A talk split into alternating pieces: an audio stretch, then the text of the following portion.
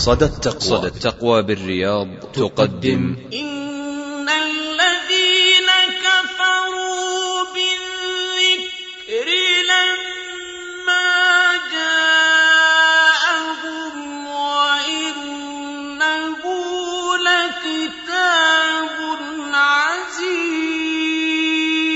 فذلك يدل على أنه قد بلغ في الشرف غايته. فهو شريف. أشرف من كل كتاب. عالي الطبقة فيما بين الكتب الإلهية في النظم والمعنى كما أن ذلك يتضمن معنى آخر وهو أنه واسع المعاني. القرآن. عظيمها. القرآن. كثير الوجوه. القرآن. كثير البركات. القرآن. جزيل المبرات. القرآن. واسع الأوصاف. ألف لام. را كتاب أحكمت آياته ثم فصلت من لدن حكيم خبير. فهذا القرآن أيها الأحبة عظيم. له شأن عند الله عز وجل وله شأن عند ملائكته. ولهذا أنزله الله تبارك وتعالى في اللوح المحفوظ وأنزله في بيت العزة في سماء الدنيا في ليلة القدر وجعله في صحف مكرمة مرفوعة مطهرة بأيدي سفرة كرام بررة وإنه لكتاب عزيز. فالقرآن كله خير. من كل جهة. ولهذا قال بعض أهل العلم اشتغلنا بالقرآن. فغمرتنا البركات. فغمرتنا البركات. كتاب أنزلناه إليك مبارك ليدبروا آياته وليتذكر أولو الألباب. وإنه لكتاب عزيز. وهو نفيس. العزة تأتي بمعنى النفاس. والعزة تأتي بمعنى المنعة. والشيء النفيس يدافع عنه ويحمى. من النبذ. لا ينبذ. أيها الحكيم, أيها الحكيم. اعمل لنا مثل هذا القرآن. قال نعم. أعمل مثل بعضه. هل يقدرون؟ فاحتجب أياما كثيرة ثم خرج. فقال والله ما أقدر ولا يطيق هذا أحد. لماذا؟ إني فتحت المصحف. فخرجت سورة المائدة. يقصد الآية الأولى. فنظرت فإذا هو قد نطق بالوفاء ونهى عن النكف وحلل تحليلا عاما ثم استثنى بعد استثناء ثم أخبر عن قدرته وحكمته في سطرين. ولا يقدر أحد أن يأتي بهذا. قل لئن اجتمعت الإنس والجن على أن يأتوا بمثل هذا القرآن. قل لئن اجتمعت الإنس والجن على أن يأتوا بمثل هذا القرآن لا يأتون بمثله لا يأتون بمثله ولو كان بعضهم لبعض ظهيرا. أربعة عشر قرنا والتحدي لا زال. هاتوا سورة, سورة واحدة. وتبقى أعناق البشر لهذا التحدي وأمامه. خاضعة, خاضعة, خاضعة منكسرة, منكسرة, منكسرة. لم يستطع أحد أن يرفع رأسه ويقول أنا أقبل ذلك. مع ما في العرب من فصاحة وبيان وبلاغة وأنفة. وإنه لكتاب عزيز. وأنه ينبغي على حامل القرآن أن يجعل القرآن ربيع قلبه. يعمر به ما خرب منه ويتأدب بآدابه ويتخلق بأخلاقه فيتميز عن سائر الناس. يقول رحمه الله أما من قرأ القرآن للدنيا ولأبناء الدنيا فإن من أخلاقه أن يكون حافظا لحروف القرآن مضيعا لحدوده متعظما في نفسه متكبرا على غيره. قد اتخذ القرآن بضاعة يتأكل به الأغنياء يستقضي به الحوائج ويحقر الفقراء. إذا علم الغني تلطف به طمعا في دنياه. وإن علم الفقير زجره وعنفه. وإنه لكتاب عزيز. ختاما أقول إن من عزة هذا القرآن أن معانيه لا تدخل في القلوب المعرضة عنه لأنه كتاب عزيز. لأنه كتاب عزيز. لأنه كتاب عزيز. لأنه كتاب عزيز. وإنه لكتاب عزيز. محاضرة لفضيلة الشيخ الدكتور خالد بن عثمان السبت. إن الحمد لله نحمده ونستعينه ونستغفره ونعوذ بالله من شرور أنفسنا وسيئات أعمالنا. من يهده الله فلا مضل له ومن يضلل فلا هادي له. وأشهد أن لا إله إلا الله وحده لا شريك له وأشهد أن محمدا عبده ورسوله صلى الله وسلم وبارك عليه وعلى آله وصحبه أجمعين. أما بعد فسلام الله عليكم ورحمته وبركاته. أيها الأحبة ينعقد هذا المجلس في هذه الليلة تحت عنوان وإنه لكتاب عزيز. فهو حديث عن القرآن. وما أحسن الحديث عن القرآن أيها الأحبة؟ إن الحديث عنه والاشتغال به بركة لأنه كتاب مبارك كما سيأتي. فأسأل الله عز وجل أن يجعلنا وإياكم في هذا المجلس ممن يتدارسون كتاب الله فتحفهم الملائكة وتغشاهم الرحمة وتنزل عليهم السكينة ويذكرهم الله في من عنده. أيها الأحبة وصف الله تبارك وتعالى كتابه بأوصاف عظيمة جليلة حق على المؤمن أن يتأملها ويتدبرها وأن يتبصر في معانيها. الله تبارك وتعالى يقول إنه لقرآن كريم فوصفه بالكرم. وعبارات المفسرين تقول بأنه الشريف في نفسه أو في وصف من أوصافه هذا هو الكريم.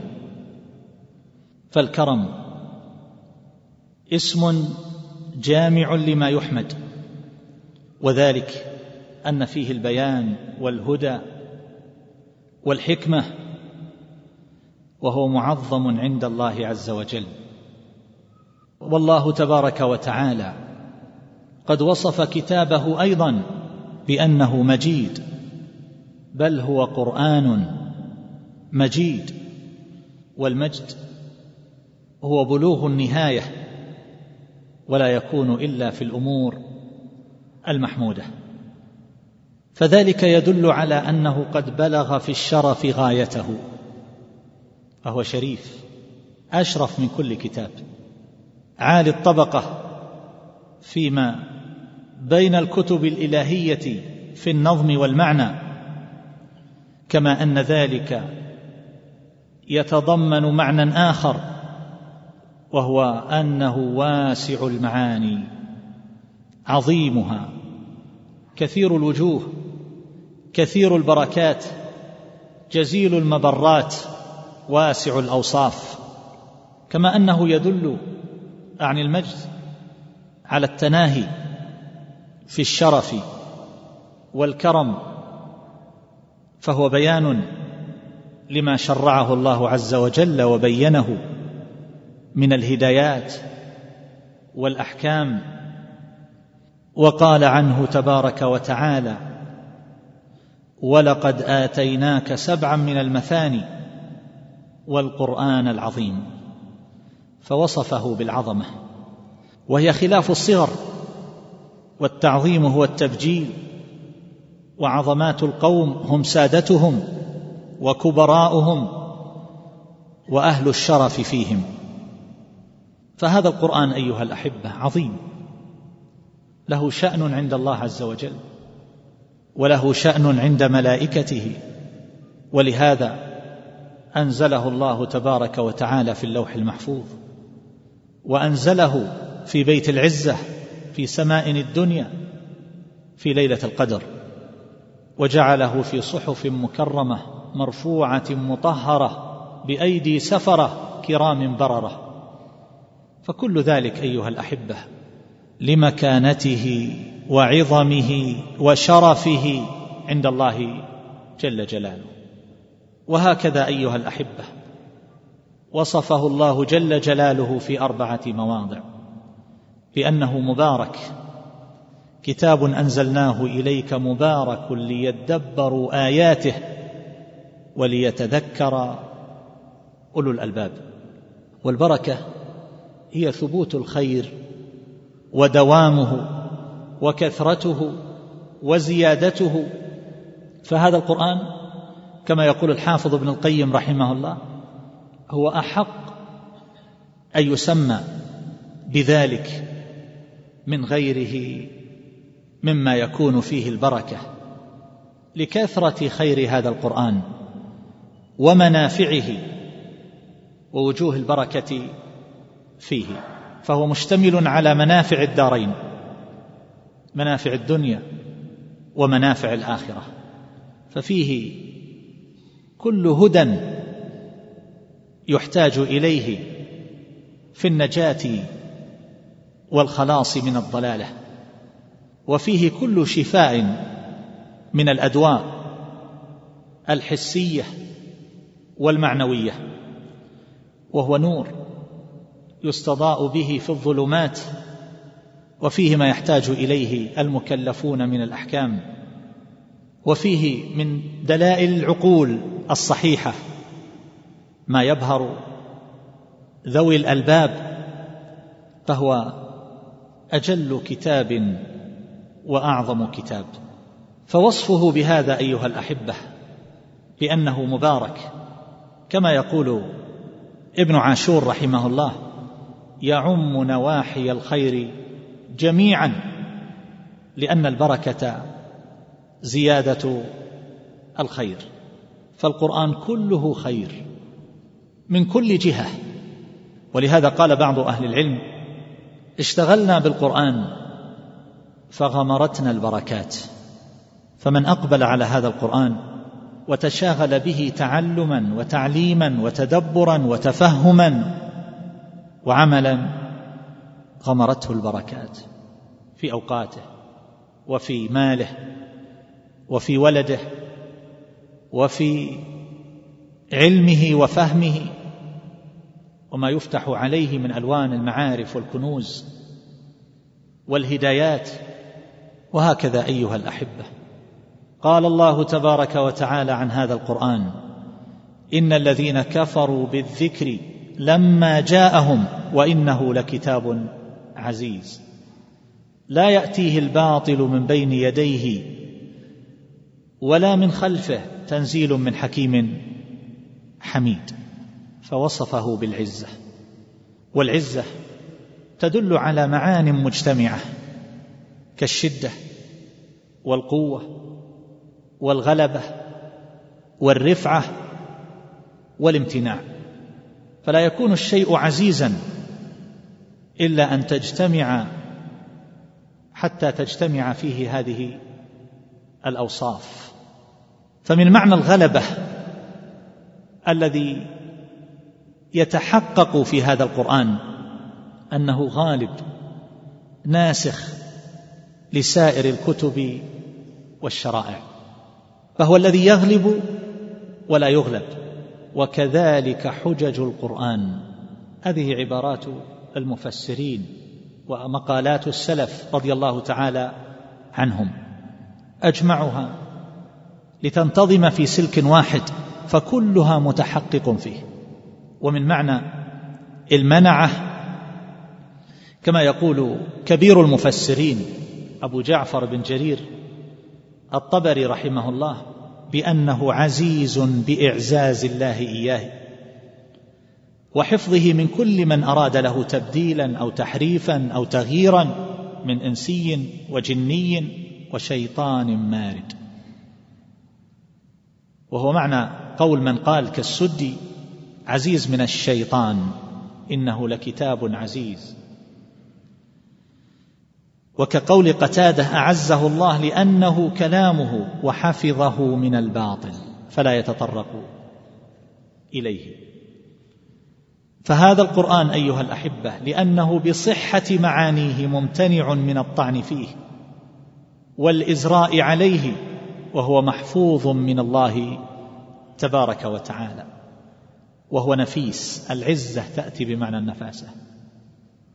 تقول هذه جوهرة عزيزة فائدة عزيزة فهو نفيس والعزة تأتي بمعنى المنعة والشيء النفيس يدافع عنه ويحمى من النبذ لا ينبذ وإنما يرفع ويصان ويصعب مناله ووجود مثله كما يقول الراغب الأصفهاني وهو معنى قول الحافظ بن كثير أي منيع الجناب لا يرام أن يأتي أحد بمثله. كما يدل على ذلك. قول ابن عباس رضي الله تعالى عنهما وأولئك الذين حاولوا أن يحاكوا القرآن وأن يجاروه وأن يؤلفوا كلاما يضاهون به كلام الله تبارك وتعالى صار ذلك سبة عليهم. على مدى الأيام والليالي وصار ذلك مبعثا لضحك العقلاء منهم ومن جراءتهم وسفسطتهم. انظروا إلى جراءة مسيلمة الكذاب ولا نعرف أحدا إذا ذكر ذكر الكذب معه إلا مسيلمة. ولا نعرف أحدا اجترأ جراءته على محاكاة القرآن. يقول فيما يذكر من قرآنه الذي يزعم أنه أوحي إليه به والليل الأضخم والذئب الأدلم والجذع الأزلم وما انتهكت أسيد من محرم. هذه سورة.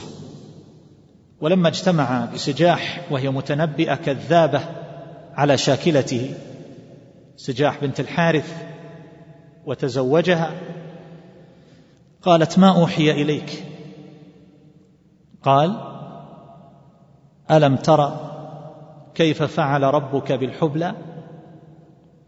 أخرج منها نسمة تسعى ما بين صفاق وحشا قالت فما بعد ذلك؟ قال أوحي إلي إن الله خلق النساء أفواجا وجعل لهن أزواجا فنولج فيهن قعسا إيلاجا ثم نخرجها إذا شئنا إخراجا. فينتجن لنا سخالا نتاجا.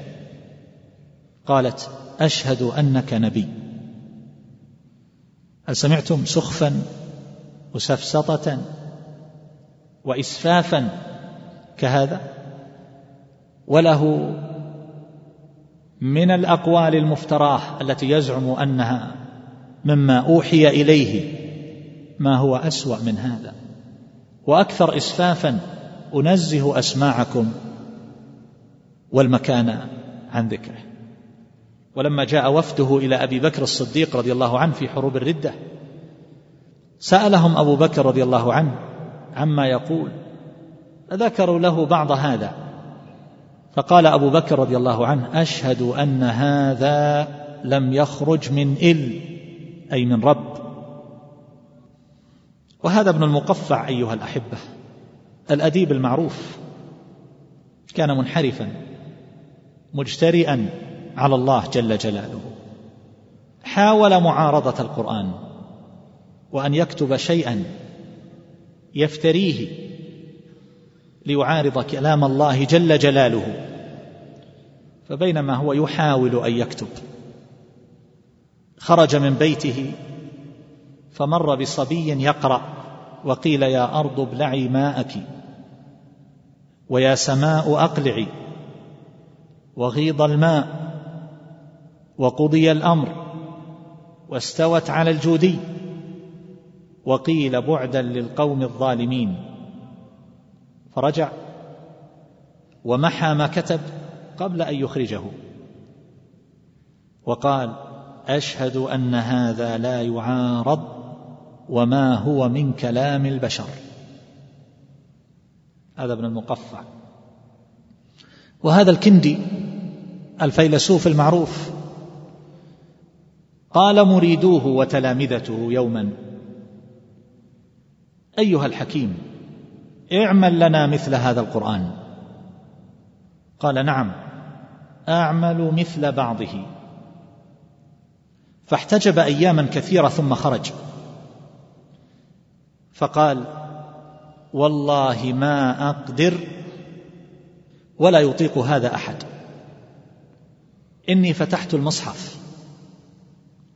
فخرجت سورة المائدة. فنظرت فإذا هو يقصد الآية الأولى.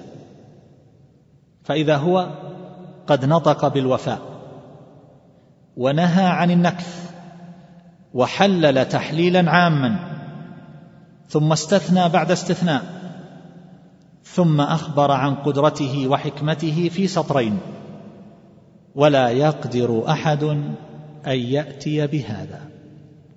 ولست بصدد ذكر أقوال الفلاسفة وشهادة بعض الكفار لهذا القرآن لأني لست بصدد الحديث عن هذا.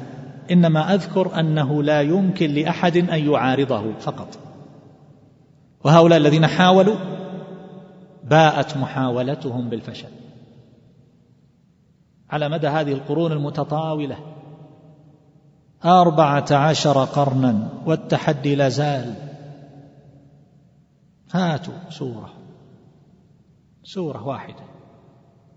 وتبقى أعناق البشر لهذا التحدي وأمامه. خاضعة. منكسرة. لم يستطع أحد أن يرفع رأسه ويقول أنا أقبل ذلك. مع ما في العرب من فصاحة وبيان وبلاغة وأنفة. فإذا ذكر التحدي عندهم فإن ذلك يحرك نفوسهم ويؤزهم أزا إلى المواجهة. ومع ذلك بقوا عاجزين. لم يستطع أحد منهم أن يأتي بسورة واحدة. إذا عرفنا هذا أيها الأحبة أن هذا الكتاب عزيز فمن لازم ذلك أيها الأحبة أنه كما يقول السدي ينبغي أن يعز ويجل وألا يلغى فيه. يعز. ومن ذلك أيها الأحبة أن تعظم أسماؤه وسوره وآياته. ولهذا جاء عن ابن المسيب رحمه الله أنه قال لا تقولوا مصيحف ولا مسيجد. ما كان من الله فهو عظيم حسن جميل. وهكذا النخعي. يقول كانوا يكرهون أن يصغروا المصحف وكان يقال عظموا كتاب الله. وهكذا ما جاء عن مجاهد رحمه الله. كان يكره أن يقال مصيحف أو مسيجد. يقول مكي رحمه الله ابن أبي طالب ومن حرمته ألا يقال سورة صغيرة. سورة صغيرة. وكره أبو العالية أن يقال سورة صغيرة أو كبيرة. وقال لمن سمعه يقول ذلك أنت أصغر منها. وأما القرآن فكله عظيم. كتاب عزيز. وجاء عن خالد بن مهران الحذاء رحمه الله أنه قال لمحمد بن سيرين رحم الله الجميع سورة خفيفة. فقال ابن سيرين من أين تكون خفيفة؟ والله تعالى يقول إنا سنلقي عليك قولا ثقيلا. ولكن قل يسيره فإن الله تعالى يقول ولقد يسرنا القرآن للذكر. يحترزون بالألفاظ التي يعبرون بها عن شيء يتصل بكتاب الله تبارك وتعالى. والقاعدة أيها الأحبة أنه لا يصح ولا يجوز أن نصغر الاسم الواقع على ما يجب تعظيمه شرعا. نحو أسماء الباري تبارك وتعالى وأسماء الأنبياء عليهم الصلاة والسلام. وما جرى مجرى ذلك لأن تصغير ذلك يعد غضا. هذا ذكره أبو حيان رحمه الله. ومن لازم كون هذا القرآن أيها الأحبة عزيز أنه يجب أن يعظم المصحف. فمن حرمة المصحف أيها الأحبة كما يذكر أهل العلم كالقرطبي وغيره أنه إذا وضع المصحف فإنه لا يتركه منشورا يعني إذا فرغ من قراءته وذهب. وألا يضع فوقه شيئا من الكتب حتى يكون أبدا عاليا لسائر الكتب علما كان أو غيره. بل إن العلماء رحمهم الله تكلموا عن ترتيب المكتبة. أين تضع؟ الأدرج أو الكتب التي تتعلق بالتفسير. ومن حرمته كما يقول القرطبي وغيره ألا يتوسد ولا يعتمد عليه ما تتكى على المصحف ولا يرمي به إلى صاحبه إذا أراد أن يناوله. وقد نقل النووي رحمه الله الإجماع إجماع المسلمين على وجوب صيانة المصاحف واحترامها وأنه يحرم توسدها بل توسد آحاد كتب العلم الشرعي. وذكر ابن عبد القوي رحمه الله أنه يحرم الاتكاء على المصحف وعلى كتب الحديث وما فيه شيء من القرآن اتفاقا. ونحن نرى حاجة لذكر مثل هذه الأشياء لأننا نرى ممارسات. غير لائقة مع كتاب الله عز وجل. تجد بعض طلبة العلم بعض طلاب الحلق بعض المصلين في المسجد الحرام في صلاة التراويح لربما وضعه على الأرض والناس يذهبون ويجيئون ولا يتفطنون. فهذا لربما وطأه من غير قصد وذاك متسبب. وهذا لربما ضربه برجله من غير قصد وذاك متسبب. ورأينا من يضع المصحف أيها الأحبة على نعليه حينما يفرغ من قراءته إذا كان المحل المعد لوضع المصاحف بعيدا عنه. وأقيمت الصلاة. هذا لا يليق. المصاحف يجب أن تعظم. ولربما وضعه في مكان بجوار أقدام المصلين في الصف الذي أمامه. فهذا امتهان وابتذال لكتاب الله جل جلاله. ومن حرمته أيها الأحبة أنه لا يكتب على الأرض ولا على الحيطان لا في المساجد ولا في غير المساجد وقد نص على هذا جماعة من أهل العلم كالقرطبي وغيره وهو من البدع المحدثة. ورأى عمر بن عبد العزيز رحمه الله ولدا له يكتب القرآن على حائط فزجره وضربه. وهكذا حينما يكتب على لوحات للزينة ولربما على شكل طائر أو حيوان ولربما بصورة يصعب قراءته فكل ذلك لا يجوز. والقرآن ما أنزل من أجل هذا. وقل مثل ذلك أيضا. حينما يوضع بمنزلة نغمة الجوال فكلما اتصل أحد بدأ القارئ يقرأ.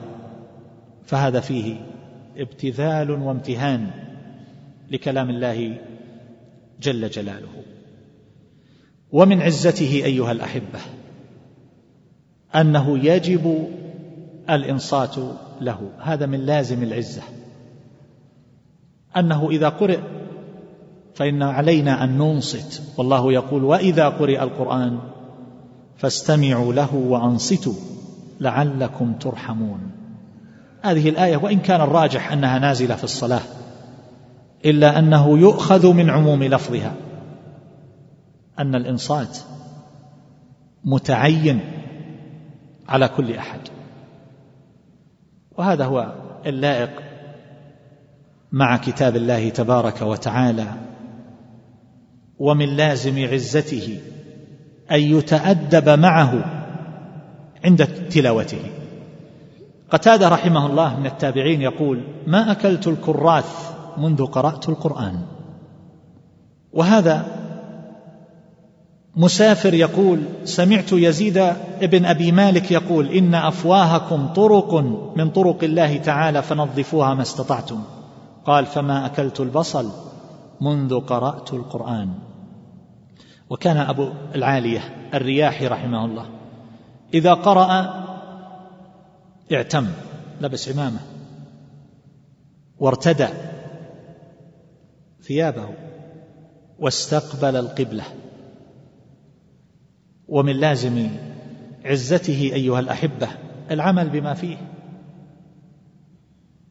وقد جمع أبو موسى الأشعري رضي الله تعالى عنه القراء وهم قريب من ثلاثمائة. فعظم القرآن وقال إن هذا القرآن كائن لكم ذخرا وكائن عليكم وزرا. فاتبعوا القرآن ولا يتبعكم. فإنه من اتبع القرآن هبط به على رياض الجنة ومن اتبعه القرآن زج به في قفاه فقذفه في النار. وجاء عن ابن مسعود رضي الله عنه ينبغي لحامل القرآن أن يعرف بليله إذا الناس نائمون ونهاره إذا الناس مفطرون وبورعه إذا الناس يخلطون وبتواضعه إذا الناس يختالون وبحزنه إذا الناس يفرحون وببكائه إذا الناس يضحكون. وبصمته إذا الناس يخوضون يتميز بسلوكه وعمله وحاله. وقد جاء عن الحسن البصري رحمه الله إلزموا كتاب الله وتتبعوا ما فيه من الأمثال وكونوا فيه من أهل البصر. ثم قال رحم الله عبدا عرض نفسه وعمله على كتاب الله فإن وافق كتاب الله حمد ربه. حمد الله. وسأله الزيادة وإن خالف كتاب الله أعتب نفسه. ورجع من قريب. وجاء عنه من أحب أن يعلم ما هو؟ يعني ما حاله. فليعرض نفسه على القرآن. وفسر مجاهد ابن جبر رحمه الله يتلونه حق تلاوته؟ قال يعملون به حق عمله. هذا معنى تلاوته حق التلاوة. وجاء عن الحسن البصري رحمه الله أنه قال إن هذا القرآن قد قرأه عبيد وصبيان لا علم لهم بتأويله. إلى أن قال وما تدبر آياته إلا اتباعه. وما هو بحفظ حروفه وإضاعة حدوده حتى إن أحدهم ليقول قد قرأت القرآن كله. فما أسقط منه حرفا وقد والله أسقطه كله. بمعنى لا يظهر ذلك عليه في خلق ولا عمل. حتى إن أحدهم ليقول إني لأقرأ السورة في نفس واحد. والله ما هؤلاء بالقراء ولا الحكماء ولا الورعة.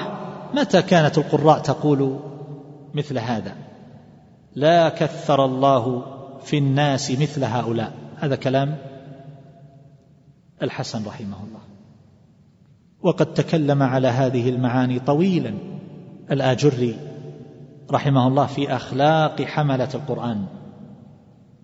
وأنه ينبغي على حامل القرآن أن يجعل القرآن ربيع قلبه.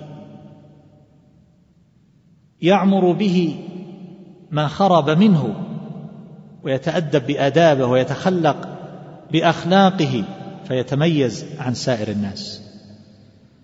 ومن لازم عزته أيها الأحبة الاستغناء به.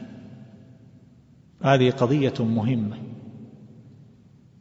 لا بد من التأكيد عليها والتنبيه لا سيما لمن يشتغلون بتعليم القرآن. رأيت رجلا يحمل الدكتوراه في بلد من البلاد الإسلامية. قد تخصص في تعليم القرآن للصبيان. فسألته عن عمل يعمله يكتسب منه. فقال لا شيء. إلا أن هؤلاء الصبيان حينما يخرجون من الحلق يخرجون ويسألون الناس في الطرقات وما حصلوه جاءوا به. فقلت له وتأكل من هذه المكاسب الدنية؟ وتربي هؤلاء الذين يتعلمون القرآن منك على المسألة؟ قال هكذا أدركنا الناس في بلدنا منذ أكثر من ثمانية قرون. قلت فبئس ما أدركتم الناس عليه. حامل القرآن يعيش على المسألة ويربي الطلاب بعد قراءة القرآن على السؤال في الشوارع حتى يأتوه بشيء من هذا الحطام القليل. وقد تكلم أهل العلم على معنى التغني الذي جاء عن النبي صلى الله عليه وسلم. ليس منا من لم يتغنى بالقرآن.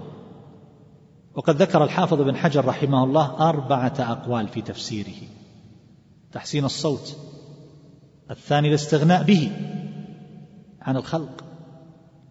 الثالث التحزن الرابع التشاغل به. شغل بالقرآن. عرب تقول غنينا بالمكان أي أقمنا به. يقيم على كتاب الله جل جلاله. المقصود أن من أهل العلم من فسره بالاستغناء عن الخلق. وهذا قال به أبو عبيد القاسم ابن سلام رحمه الله الإمام المعروف. توفى سنة 224 للهجرة. وقال به جماعة من السلف رضي الله عنهم كسفيان ابن عيينة وصححه الحافظ ابن كثير. صحح هذا القول. قال لكنه ليس المقصود بالحديث. يقول نعم ينبغي للإنسان أن يستغني بالقرآن. ولكن ليس معنى ذلك. ليس هذا هو تفسير قول النبي صلى الله عليه وسلم. يتغنى بالقرآن. فهؤلاء يقولون يستغني به عن الناس. وبعضهم يقول يستغني به عن غيره من الكتب. ما يحتاج إلى كتب مترجمة ولا يحتاج إلى روايات ولا يحتاج إلى آراء للبشر. وإنما يستغني بكلام الله عز وجل عن غيره من سائر الكلام. وذكر القاضي عياض رحمه الله بأن القولين منقولان عن ابن عيينة رحمه الله يعني يستغني به عن الناس أو يستغني به عن الكتب وسائر الكلام. وعلى كل حال أبو عبيد يقول يستغني عن الاستئكال به.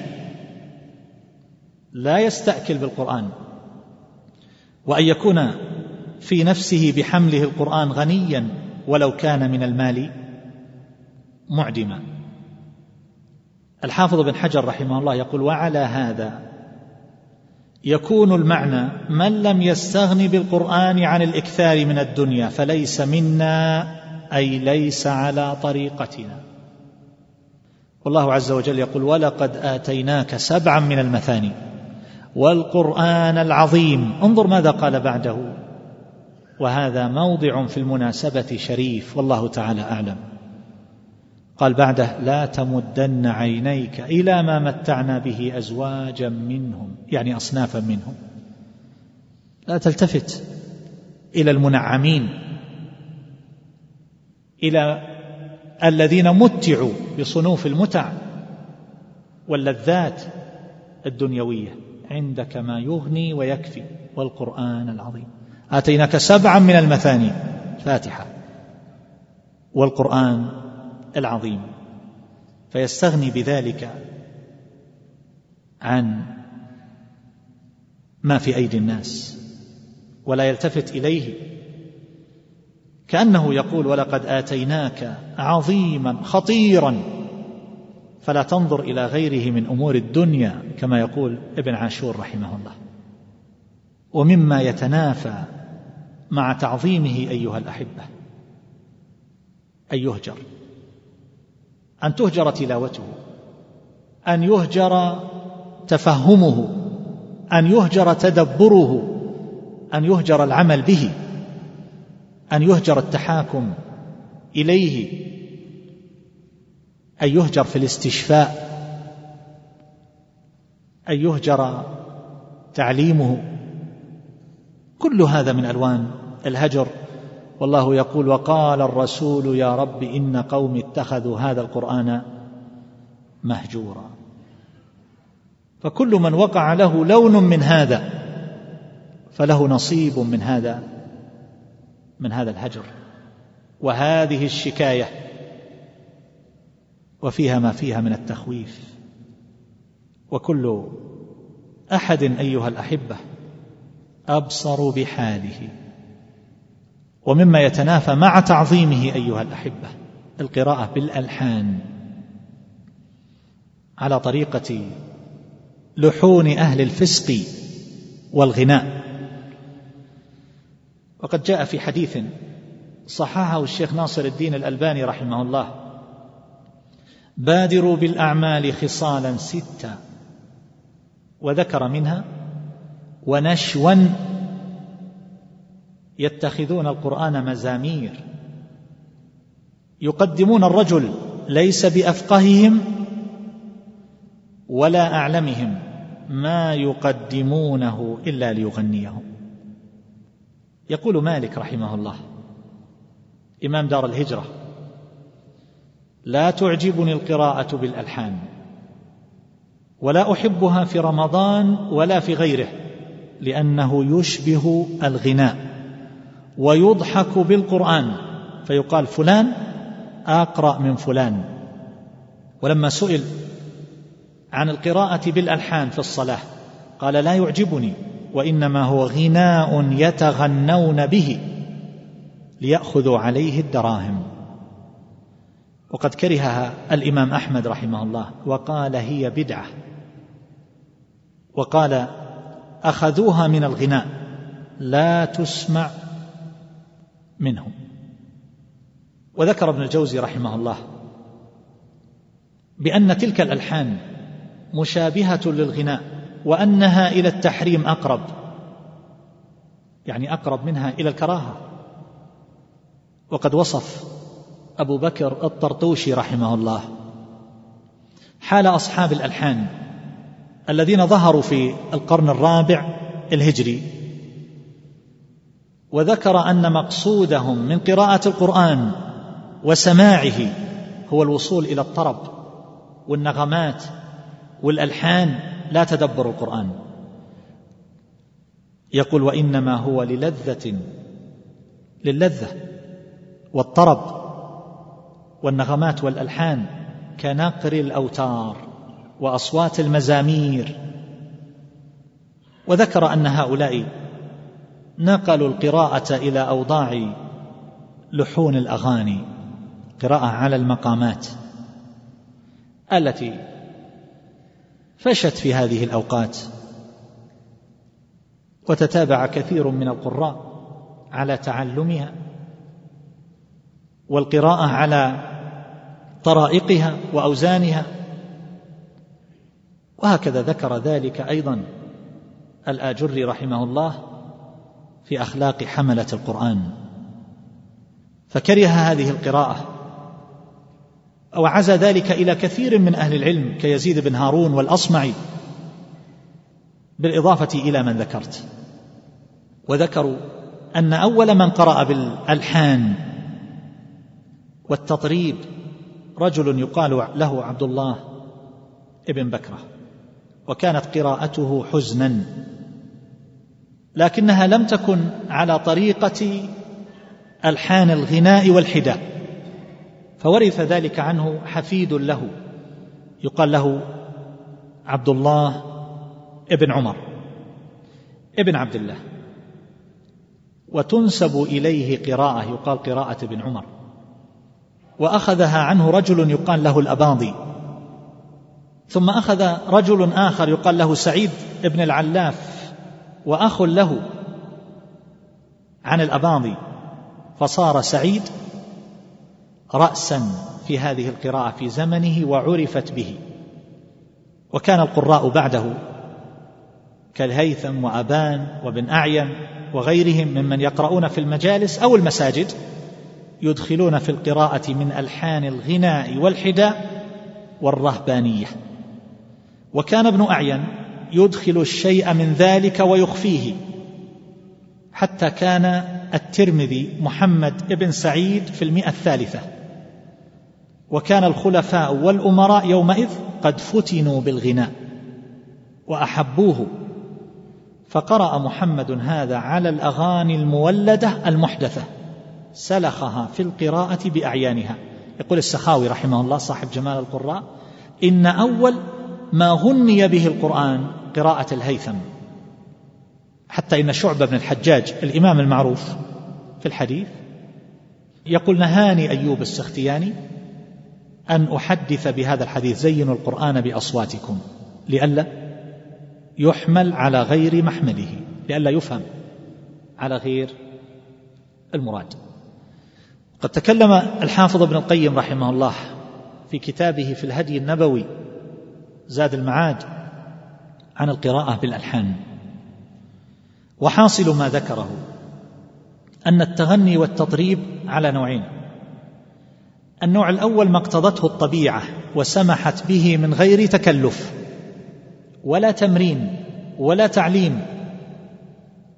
فهذا حسن لا إشكال فيه. قال ولو أنه اجتهد في تحسين صوته فإن ذلك حسن. كما جاء عن أبي موسى لو علمت أنك تسمع لحبرته لك تحبيرا. لكن من غير تعليم لأوزان ومقامات ولحون لأهل الفسق. تكلم على هذا المعنى وثم ذكر الوجه الثاني.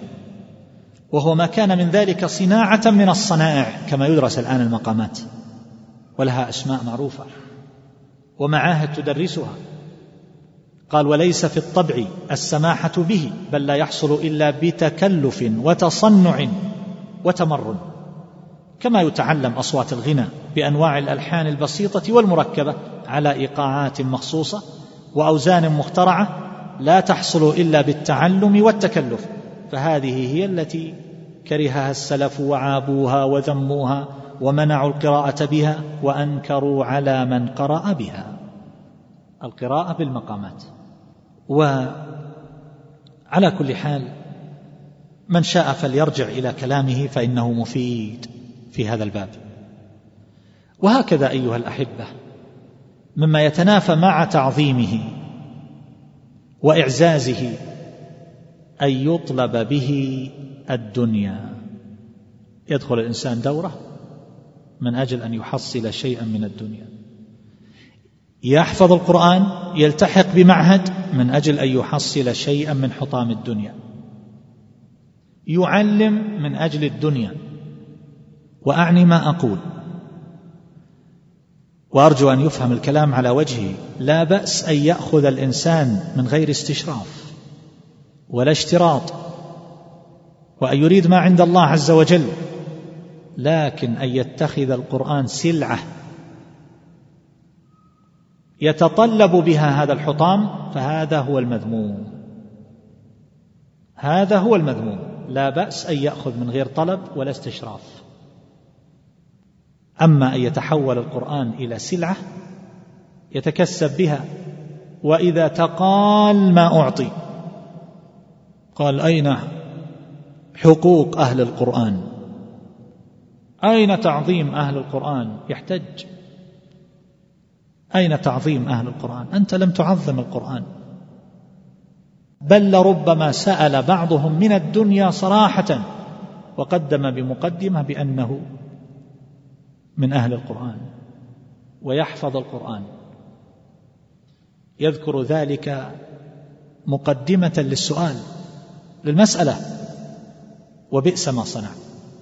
أيها الأحبة ينبغي أن يكون أمرنا كله لله. اجعل أمرك لله. اطلب ما عند الله عز وجل. وما يكون على سبيل التبع فلا بأس. ما يحصل لك على سبيل التبع فلا بأس. لكن لا يكن ذلك بالقصد الأول.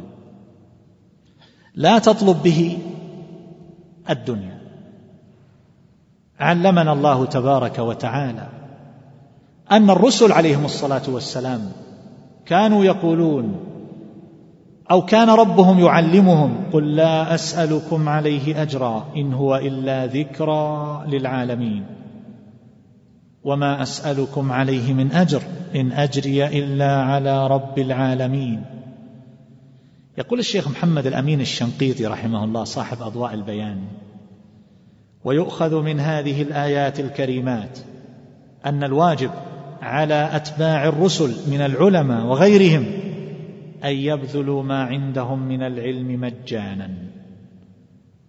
من غير أخذ عوض على ذلك الداعية ومعلم القرآن لا يصح أن يتاجر بدعوته أو بتعليمه من يدفع أكثر.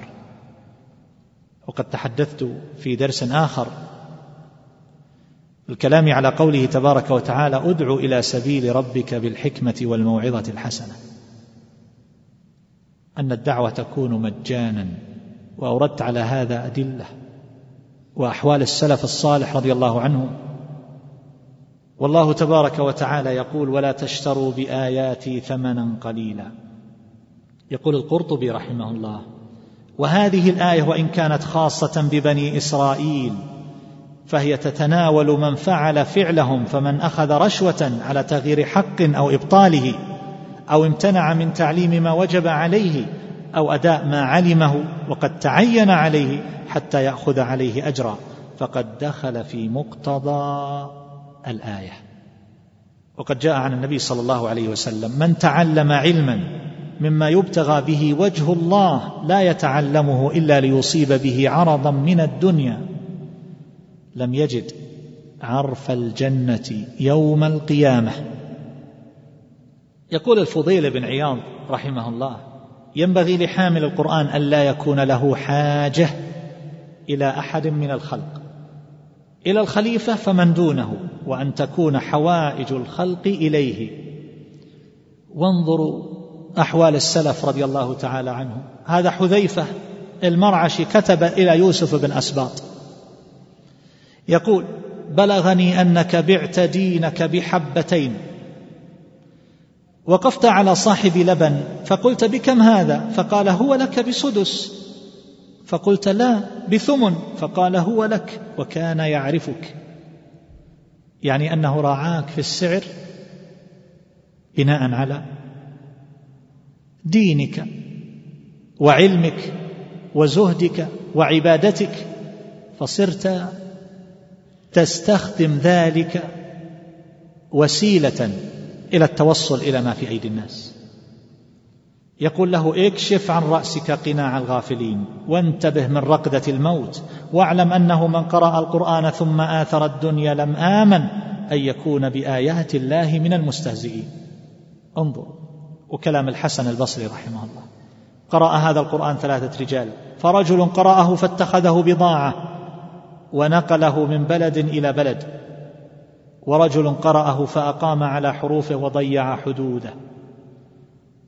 يقول إني والله لا أسقط من القرآن حرفا. كثر الله بهم القبور وأخلى منهم الدور.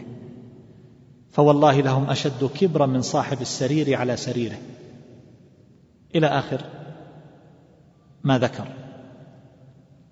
والإمام القارئ الكبير أعني أبا عبد الرحمن السلمي رحمه الله. انظروا إلى مراعاتهم وأحوالهم ودقتهم في مثل هذه الأمور. جاء إلى داره فوجد جلالا وجزور. فقيل له بعث بها عمرو بن حريث رضي الله عنه لأنك علمت ابنه القرآن. أرسل له بإبل و فقال رده إنا لا نأخذ على كتاب الله أجرا.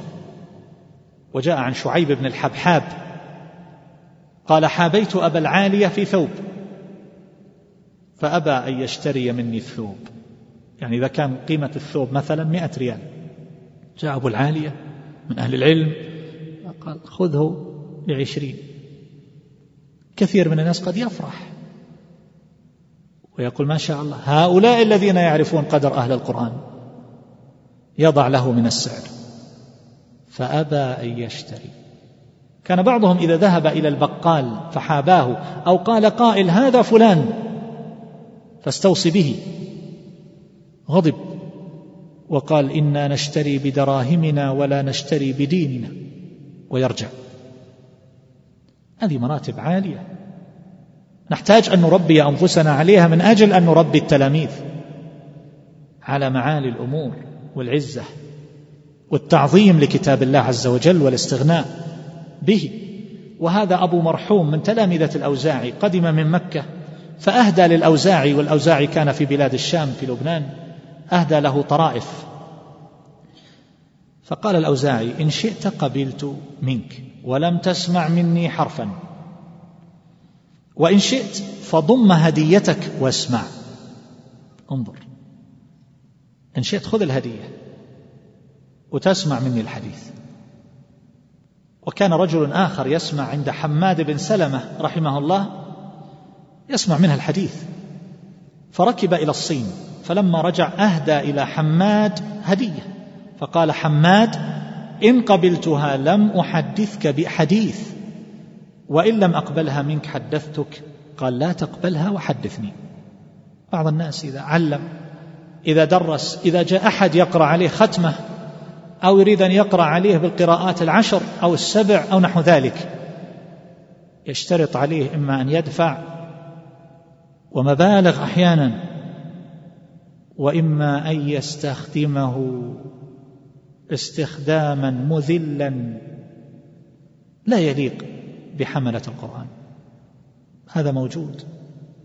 بعض من يقرئ إن رأى أن هذا الذي يقرأ عليه ليس بصاحب مال اتخذه سائقا لمدة سنتين أو أكثر مدة القراءة. يذهب به صباح مساء اتخذه سائقا هذا موجود. ويذهب به حيث شاء. تارة يذهب به إلى مكان العمل في كل يوم ويتصل عليه في المساء يريد أن يذهب إلى السوق مع امرأته. وهذا ينتظر ثم يتصل عليه ليحمل الحقائب. وبعضهم لربما استعمله إن كان عازبا استعمله في الطبخ والطهي. هذا موجود. وأتحدث عما أعرف. هذا موجود وهي حقائق مرة. إن كان يجيد البرمجة استغله في هذا. كل يوم يأتي يعمل له في أشياء برمجية يعمل له أشياء يطبع له أوراق يطبع له أبحاث يطبع له. ماذا يحسن هذا القارئ؟ إن كان من أهل المال فمال. وإن لم يحسن شيئا فسائق مسخر. هذا يليق بأهل القرآن. ينبغي أن نجعل أمرنا لله تبارك وتعالى. وكان ابن عقدة يؤدب ابنا لهشام الخزاز. فلما صار الصبي حاذقا وتعلم وجه أبوه إلى شيخه بدنانير فردها فظن ابن هشام أنه تقالها فأرسل له بالضعف. فقال ما رددتها استقلالا؟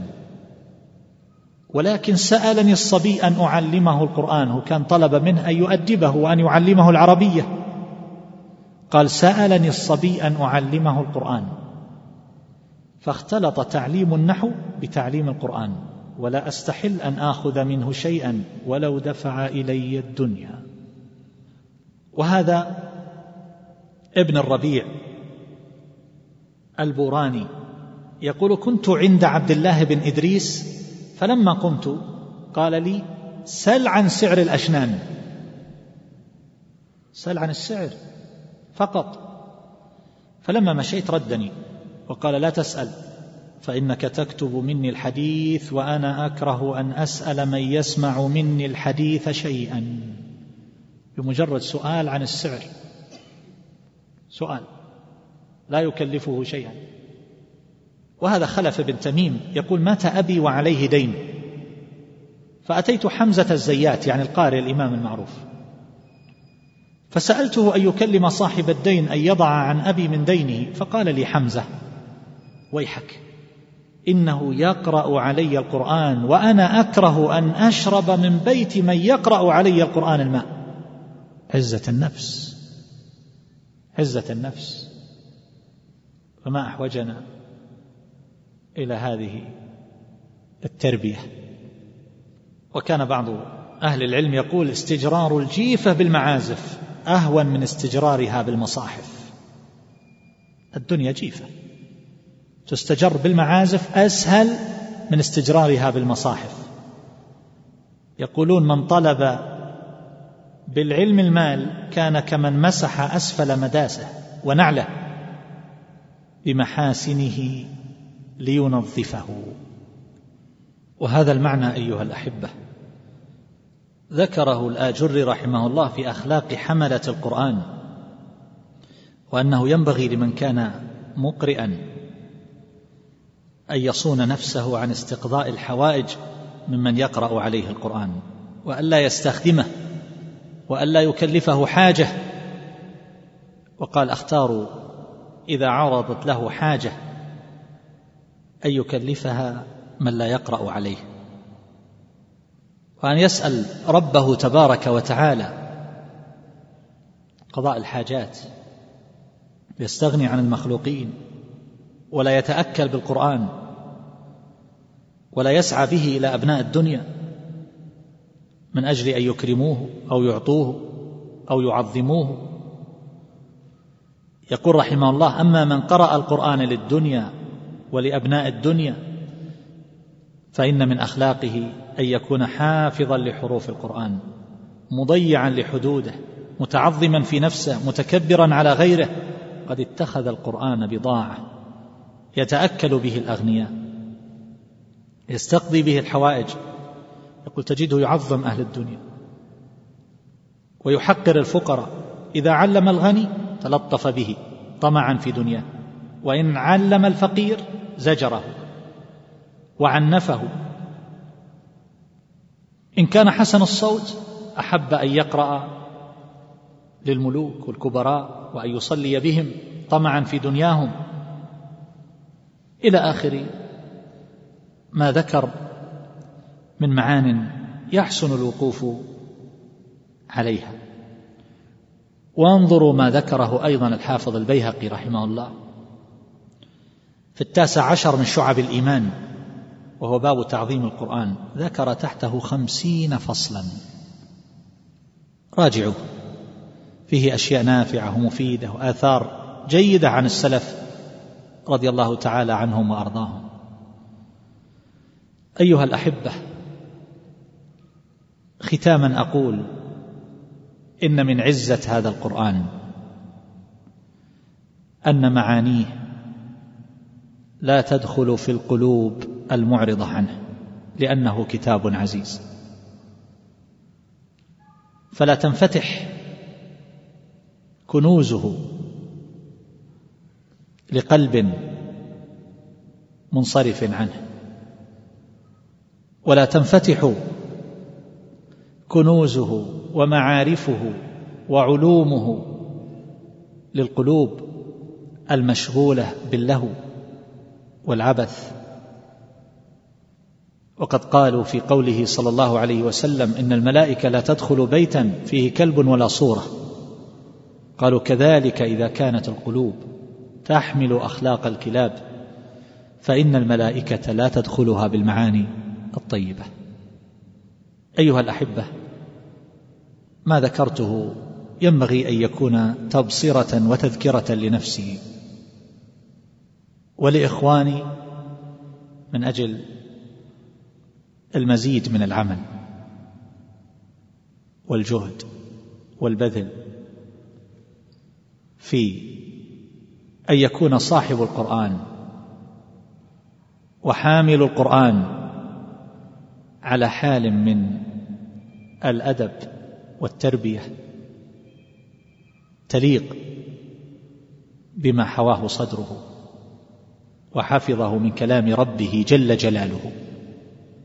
وهذا أيضا لا يختص بحملة القرآن وإنما الواجب على كل مسلم أن يتأدب مع كتاب الله عز وجل وأن يعظمه التعظيم اللائق وأن يعرف قدره ومنزلته اللهم اجعل القرآن ربيع قلوبنا ونور صدورنا وذهاب أحزاننا. اللهم ذكرنا منه ما نسينا وعلمنا منه ما جهلنا. وارزقنا تلاوته آناء الليل وأطراف النهار على الوجه الذي يرضيك عنا. اللهم ارحم موتانا واشف مرضانا وعاف مبتلانا واجعل آخرتنا خيرا من دنيانا. اللهم اغفر لنا ولوالدينا ولإخواننا المسلمين. أسأل الله تبارك وتعالى أن يشملنا وإياكم بعفوه وتجاوزه ومغفرته ويجعلنا وإياكم مباركين. أشكر الإخوان الذين رتبوا هذا اللقاء وأشكركم على حرصكم وحسن إنصاتكم وأسأل الله لي ولكم الجنة وما قرب إليها من قول وعمل. من جديد التقوى. بسم الله الرحمن الرحيم.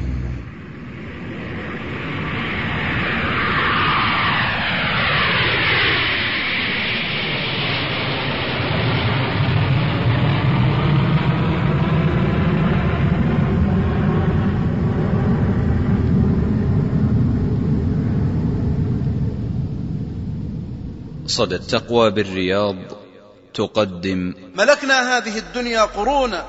وأخضعها جدود خالدون وسطرنا صحائف من ضياء فما نسي الزمان وما نسينا وما فتئ الزمان يدور حتى مضى بالمجد. قوم آخرون فأصبح لا يرى في الركب قومي وقد عاشوا أئمته سنين وآلمني وآلم كل حر. سؤال الدهر أين المسلم أين المسلم أين المسلم رحلة الطموح. أيها الإخوة الطموح والنجاح والهمة هو التحدي الكبير في هذا الحياة. الطموح. وهو أمر ينشده كل الناس. والوصول إلى النجاح عبر جسر صغير اسمه الهمة العالية أو الطموح أو الإرادة أو العزة.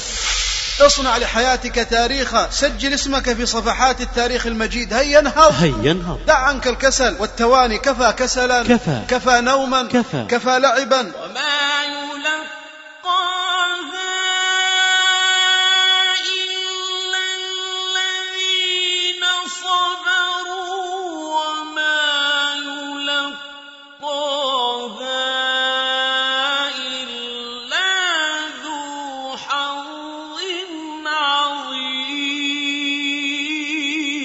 رحلة الطموح. متى نقطة البداية؟ متى؟ متى تعلق الجرس؟ متى؟ هل ستظل تنتظر أناسا يدفعونك من الخلف؟ لا لا. أو يأخذون بيديك يقودونك في دروب الحياة؟ ما لم تقم أنت بهذا؟ لا. وإلا فلن يدفعك أحد.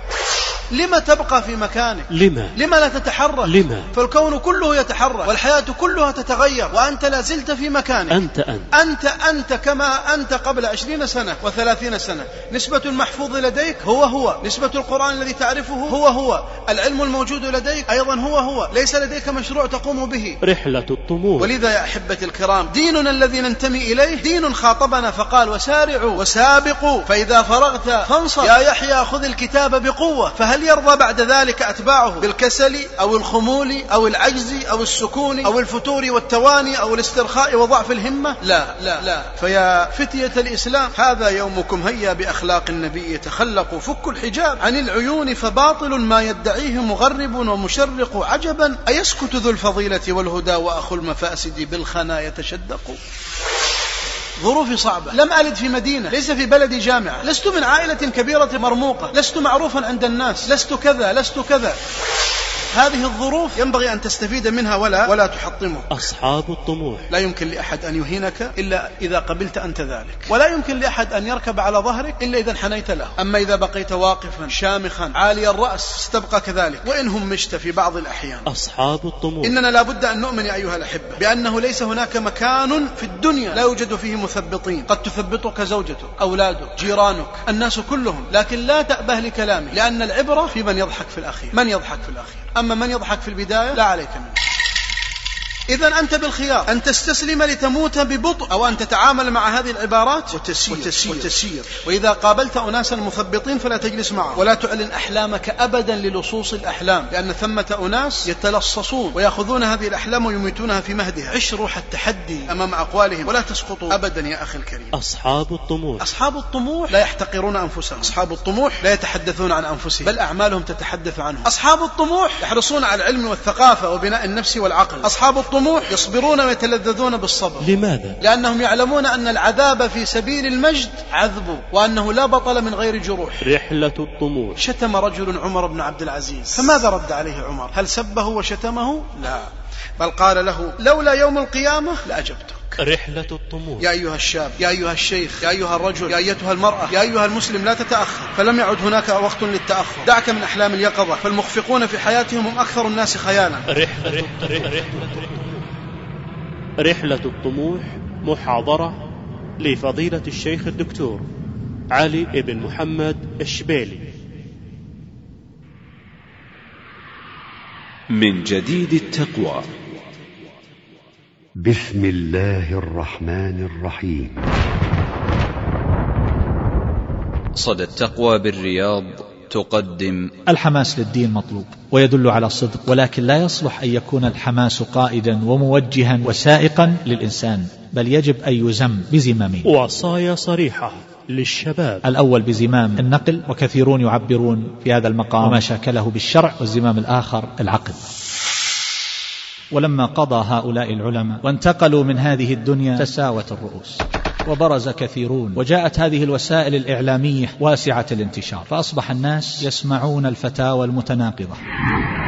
واجترأ الكثيرون فأظهروا فتاوى شاذة بل ومقالات منكرة. أمن هو قانت آناء الليل ساجدا وقائما يحذر الآخرة ويرجو رحمة ربه قل هل يستوي الذين يعلمون والذين لا يعلمون إنما يتذكر أولو الألباب. وإذا لم يتلقى الإنسان عن العلماء وهو ليس بمتأهل للفهم من النصوص الشرعية فما ظنكم؟ لابد أن يقع في الانحراف. وهذا الذي حصل. وهذا الذي حصل. وصايا للشباب. قال يا هؤلاء إنه لو كانت لي نفسان تابعتكم بإحداهما وأمسكت الأخرى. فإن كان الذي تقولون هدى أتبعتها بالأخرى. وإن كان ضلالة هلكت نفس وبقيت لي نفس ولكنها نفس واحدة وأنا أكره أن أغرر بها.